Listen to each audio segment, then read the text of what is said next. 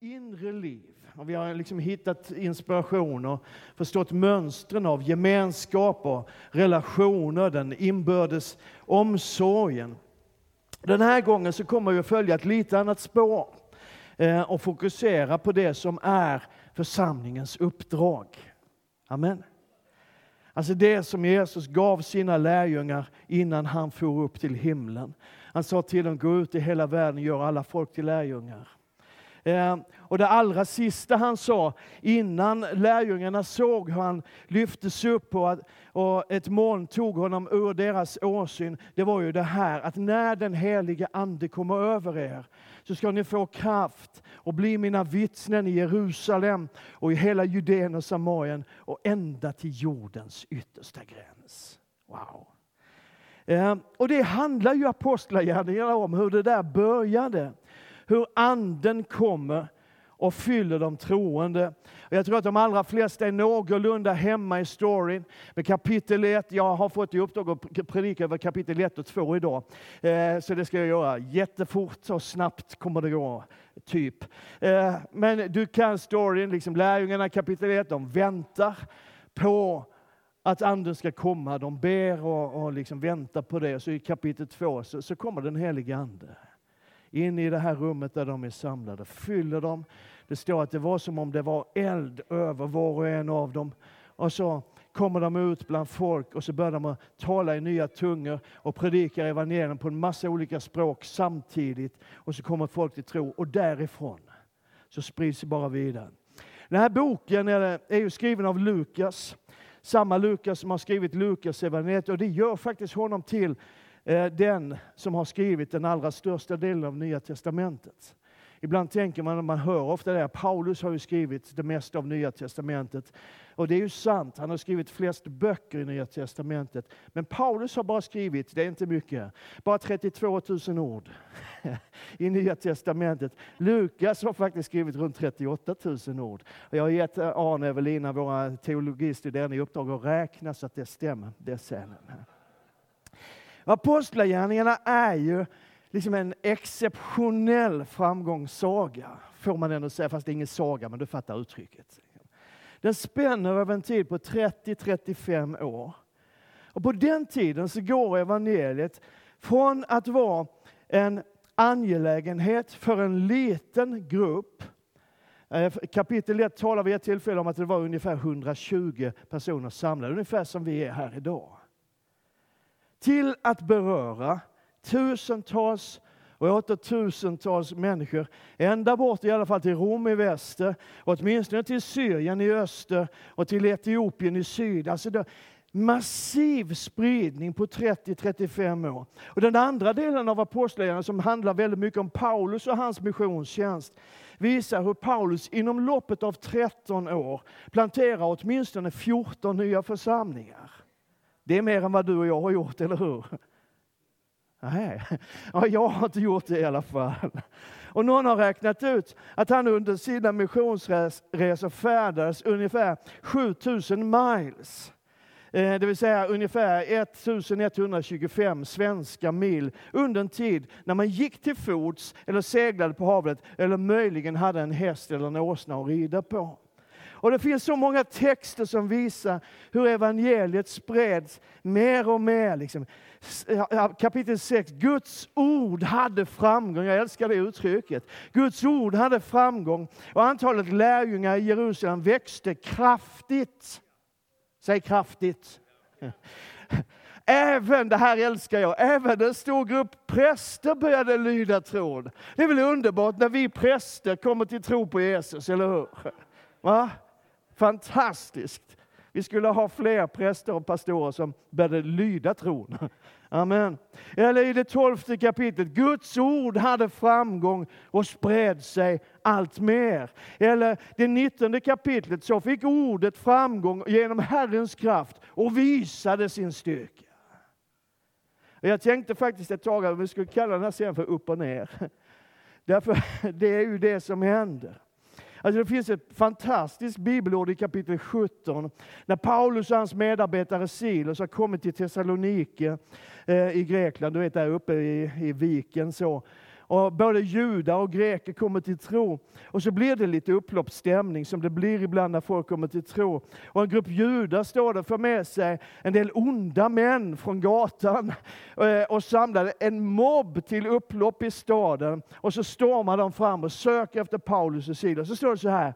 När de inte fann dem drog de med sig Jason och några andra bröder till stadens styren och skrek Nu är de här också!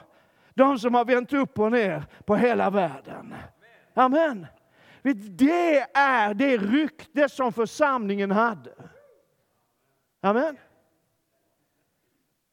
Jaha. Ja, det vill inte jag. Det är det rykte som församlingen hade. Det är de som vänder upp och ner, eller vänder rätt på allting. Men samtidigt som apostlagärningarna är den här framgångsstoryn så är det också en berättelse om förföljelse, om rättsövergrepp, om fångenskap och till och med martyrskap. Och det handlar om människor som gav sig helt och fullt med allt vad de var och allt vad de hade för att andra människor skulle få höra evangeliet om Jesus Kristus. När man läser de här 28 kapitlen, som vi kallar Apostlagärningarna, så är det väldigt, väldigt nyttigt, tror jag, att påminna sig om att om det inte var för de här människorna som gav sina liv för att världen skulle få höra evangelium om Jesus, så hade varken du eller jag suttit här idag. Det är nyttigt att påminna sig om det. Och utan att på något sätt vilja skapa en atmosfär av anklagelser och fördömelse så är det ändå en stor fråga som har väckts inom mig under de senaste veckorna.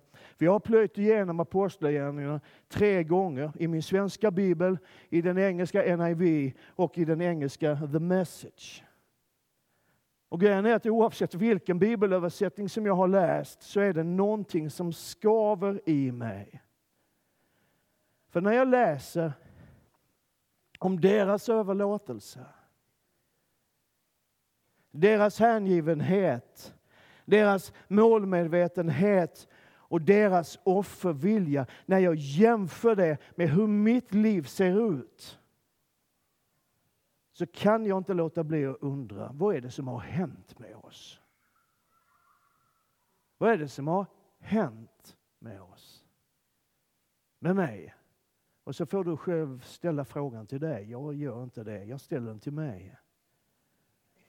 Och min övertygelse är att den helige Ande vill väcka någonting inom oss. Som enskilda, som församling. En längtan och en strävan efter helig passion och djupare överlåtelse. En större frimodighet och en starkare tro. Där vi förs tillbaka till den där första kärleken som Jesus talar om i början av Uppenbarelseboken. Och säger ibland, säger Gud, i det, eh, eh, jag tror det är andra kapitlet i Uppenbarelseboken, ibland så saknar jag det där hos dig, den första kärleken. Så låt det vara vår bön under de här veckorna när vi tillsammans studerar Apostlagärningarna. Det kommer en liten introduktion idag, det är det jag håller på med idag. Det är några punkter som jag tror är viktiga för vår fortsatta förståelse av den här boken. Några spaningar som man säger nu för tiden. Alltså vad jag på något sätt tror att jag hade upptäckt om jag hade varit en fluga på väggen i en massa olika rum under de här åren. Så.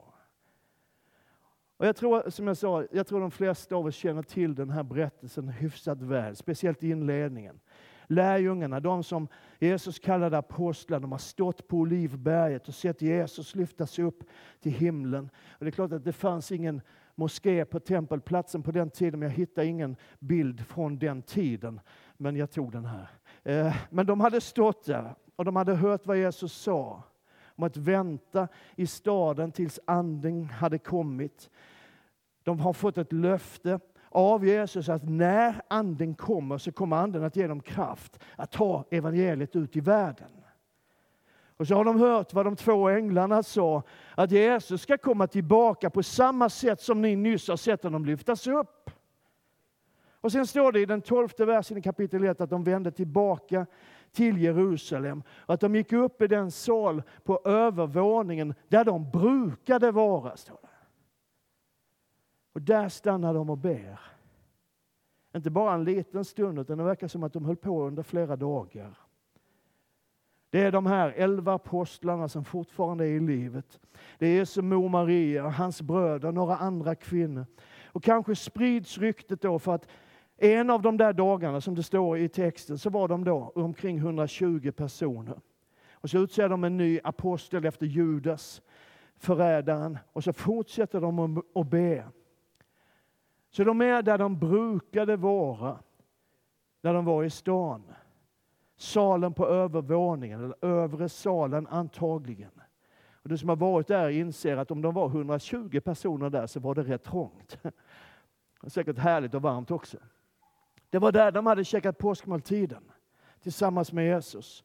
Antagligen så var det där de stängde in sig i rädsla för judarna efter korsfästelsen. Och antagligen så var det där som den uppstående plötsligt stod mitt ibland dem, fast dörrar och fönster och allting var tillbommat och igenspikat. Det var deras plats. Det var liksom deras en mötesplats och ett hem. Och här är mina fyra spaningar nu som du får ta med dig. Fundera på och ta med in i det fortsatta studiet. För det första, det var bön som förberedde dem för uppdraget. Det var bön som gjorde dem mottagliga för den helige Ande. Och det var bön som gav dem kraft att hålla ut och fortsätta när motståndet ökade. Det var bön hela vägen. När de kom dit gick de upp i den sal på övervåningen där de brukade vara. Petrus, Johannes, Jakob, Andreas, Filippus, Thomas, Bartolomeus, Matteus, Jakob, Alfeus son, Simon Seloten och Judas, Jakobs son. Alla dessa höll enigt ut i bön tillsammans med några kvinnor, Jesu mor Maria och hans bröder. Och det var under en sån samling som den helige Ande kom och fyllde var och en av dem. Och när sedan evangeliet började spridas och människor kom till tro så ökade motståndet. Det vet du som har läst den här boken. Folket, den stora massan, gillade de kristna. Det står så i det andra kapitlet. I 2.47 tror jag det är, så står det, de var omtyckta av hela folket. Hela folket utom dem som hade ansvar för det traditionella och officiella religiösa livet. För de gillade inte alls det här nya.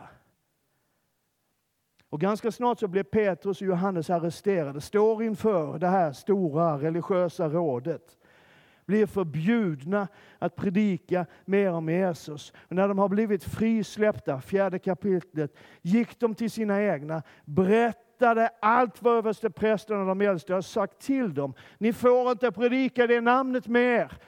När de hörde det ropade de tillsammans till Gud och bad. Amen.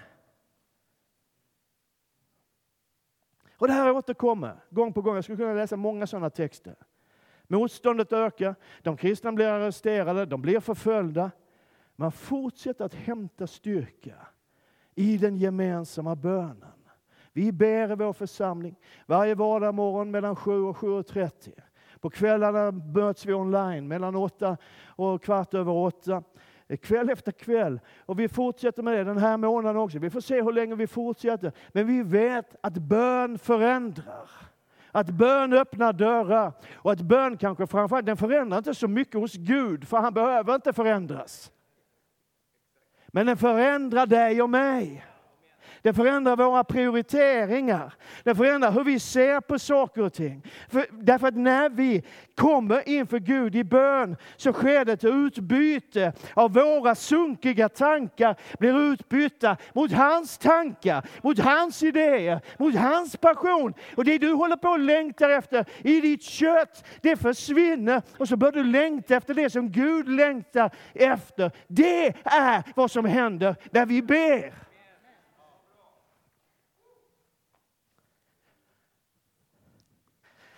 Spaning nummer två. Anden drev dem ut ur deras comfort zone. Eller hur? och in i det som var andra människors comfort zone. Det låter ju vanvettigt jobbigt. Men de stannade inte kvar i den övre salen. Det finns en poäng i det. Jag stannade upp inför det här i en predikan för ett par år sedan. Ett steg till predikan. Den finns nog på Spotify om du vill.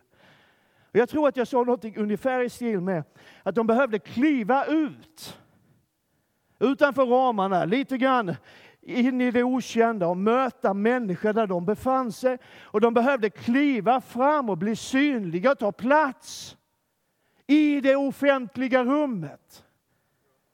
Och de behövde tala ut. Jag kan erkänna för dig att det är ganska lätt att tala om Jesus här i den övre salen. Det är inget jättemotstånd att predika om Jesus här inne. Jag har inga problem med det alls. Men vet du att jag tycker också, om du nu tycker det, och det gör de flesta.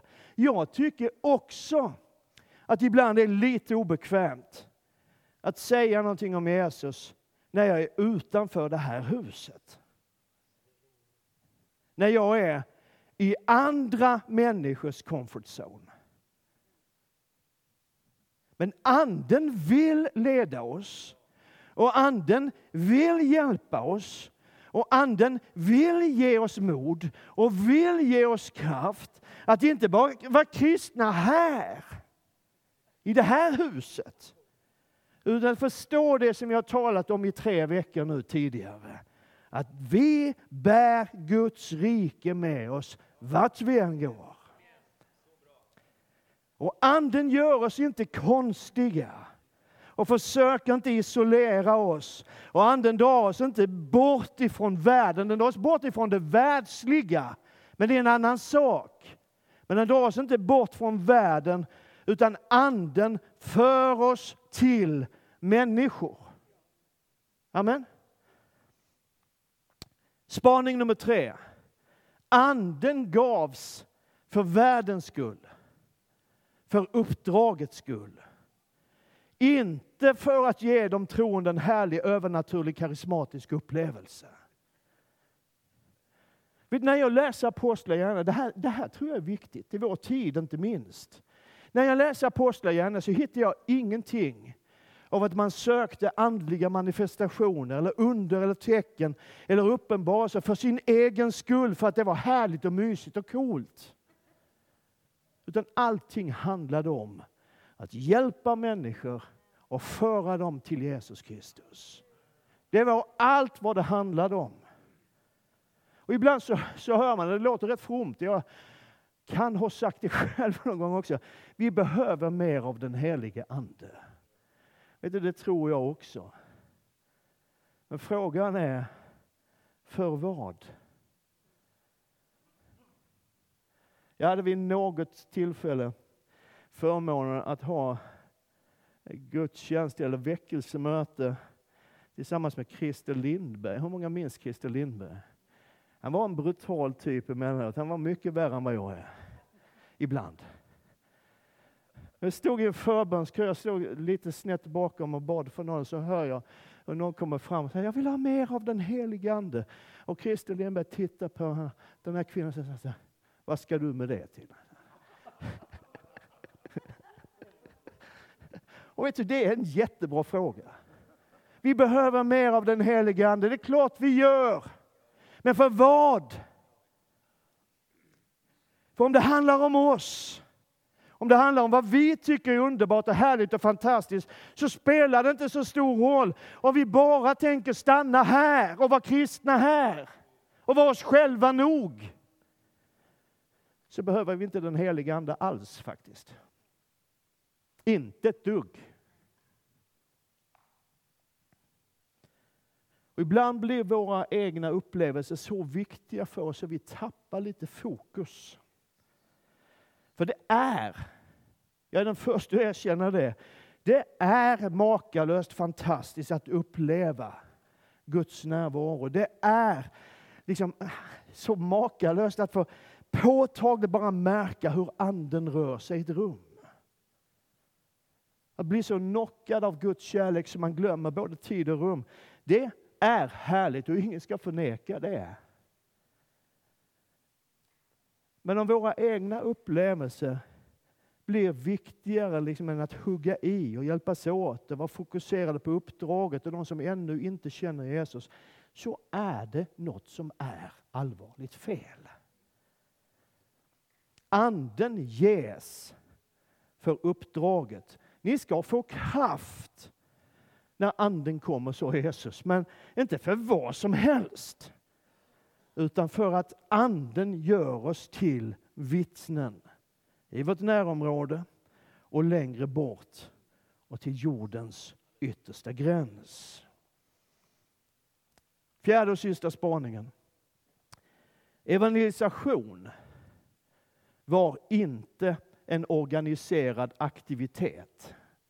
Liksom på lördag klockan 11 går vi till torget och evangeliserar. Det finns inte i Apostlagärningarna. Utan det var en livsstil. Man delade evangeliet där man var och med dem man mötte. I olika sammanhang och olika situationer. Ibland var man nog tyst, men ibland så talade man. Och ibland så får man, får man lite konstiga frågor. Man känner så här, Liksom, den här idén, ja men de talade hela tiden. Det tror jag inte. Det är jättejobbigt med människor som pratar hela tiden. Eller hur?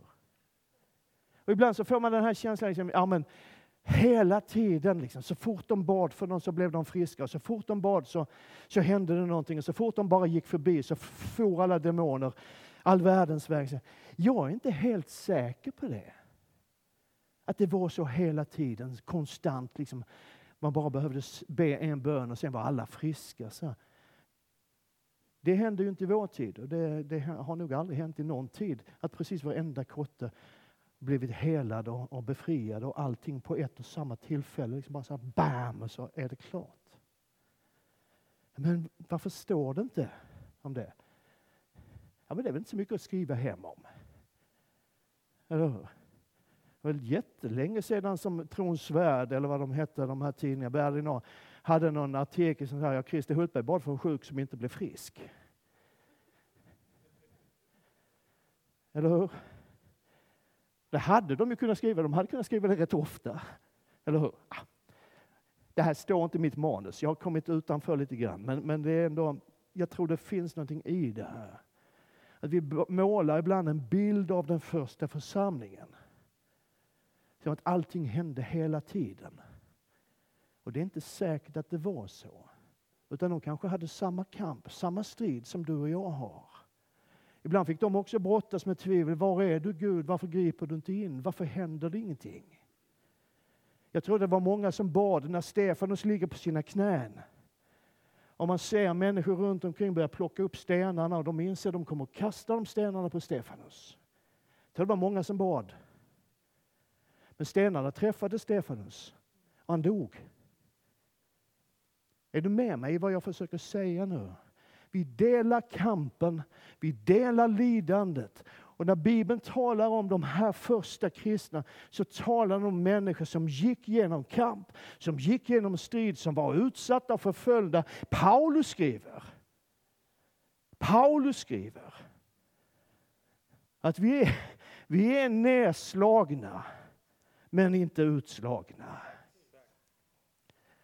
Och det krävs en smäll för att bli nedslagen. Men det som den här boken, Apostlagärningarna och Nya Testamentet visar, det är att det finns inte en sån smäll som kan slå ut den levande Gudens församling. Amen. Vi kan bli nedslagna, men vi är inte utslagna. Vi reser oss på åtta i Jesu namn. Det är en boxningsterm.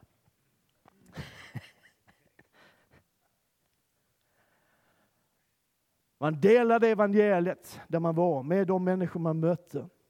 Jag tror liksom inte det fanns något produktionsteam eller något körschema den första pingstdagen liksom någon som sa, ja men först kör ni lite av det här tungotalet så folk börjar lyssna, sen så kan väl du ta över Petrus. Va? Så kör du sådär 20 minuter eller någonting. Kanske kolla när du är klar om det finns några frågor. Sen gör du en inbjudan och så tar vi det därifrån sen. Utan det var nog mer liksom så, det här är min bild. Att de andra pushade fram Petrus i den här stora skaran av människor. Petrus, kom igen, säg någonting. Säg. Och så kliver Petrus fram och så predikar han. Och så blir 3000 människor frälsta. Och I kapitel 8 så berättas om en så svår förföljelse att de allra flesta lämnade Jerusalem. Och så spreds de ut över hela landet. Och det står de som nu hade skingrats gick från plats till plats och förkunnade evangeliet. Och det, kan, det kanske ser ut lite grann som någon sorts organiserad predikoresa i vår svenska översättning. Det är tydligare i den engelska NIV. Egentligen så de som hade blivit skingrade predikade ordet överallt dit de kom. Amen. Vet, evangelisation är inte någonting som vi gör, utan det är någonting som vi är. Vi vet att vi bär med oss Guds rike överallt dit vi går. Och vi vet att ett ord från Jesus kan förvandla en människas liv. Och då och då så får vi nåden att säga det ordet till någon människa som får sitt liv förvandlat. Wow! Så de här fyra tankarna, fyra spaningar. Bön förbereder oss för det som Gud vill att vi ska göra. Vi kan aldrig komma undan bönen. Eh, inte för att vi försöker komma undan den, men det är, liksom, det är livspulsen i Guds församling. Att be tillsammans. Anden för oss till människor, drar oss inte bort ifrån människor. Anden för oss till människor.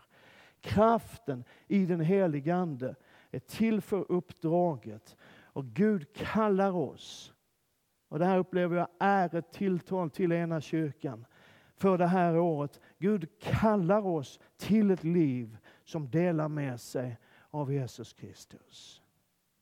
Amen.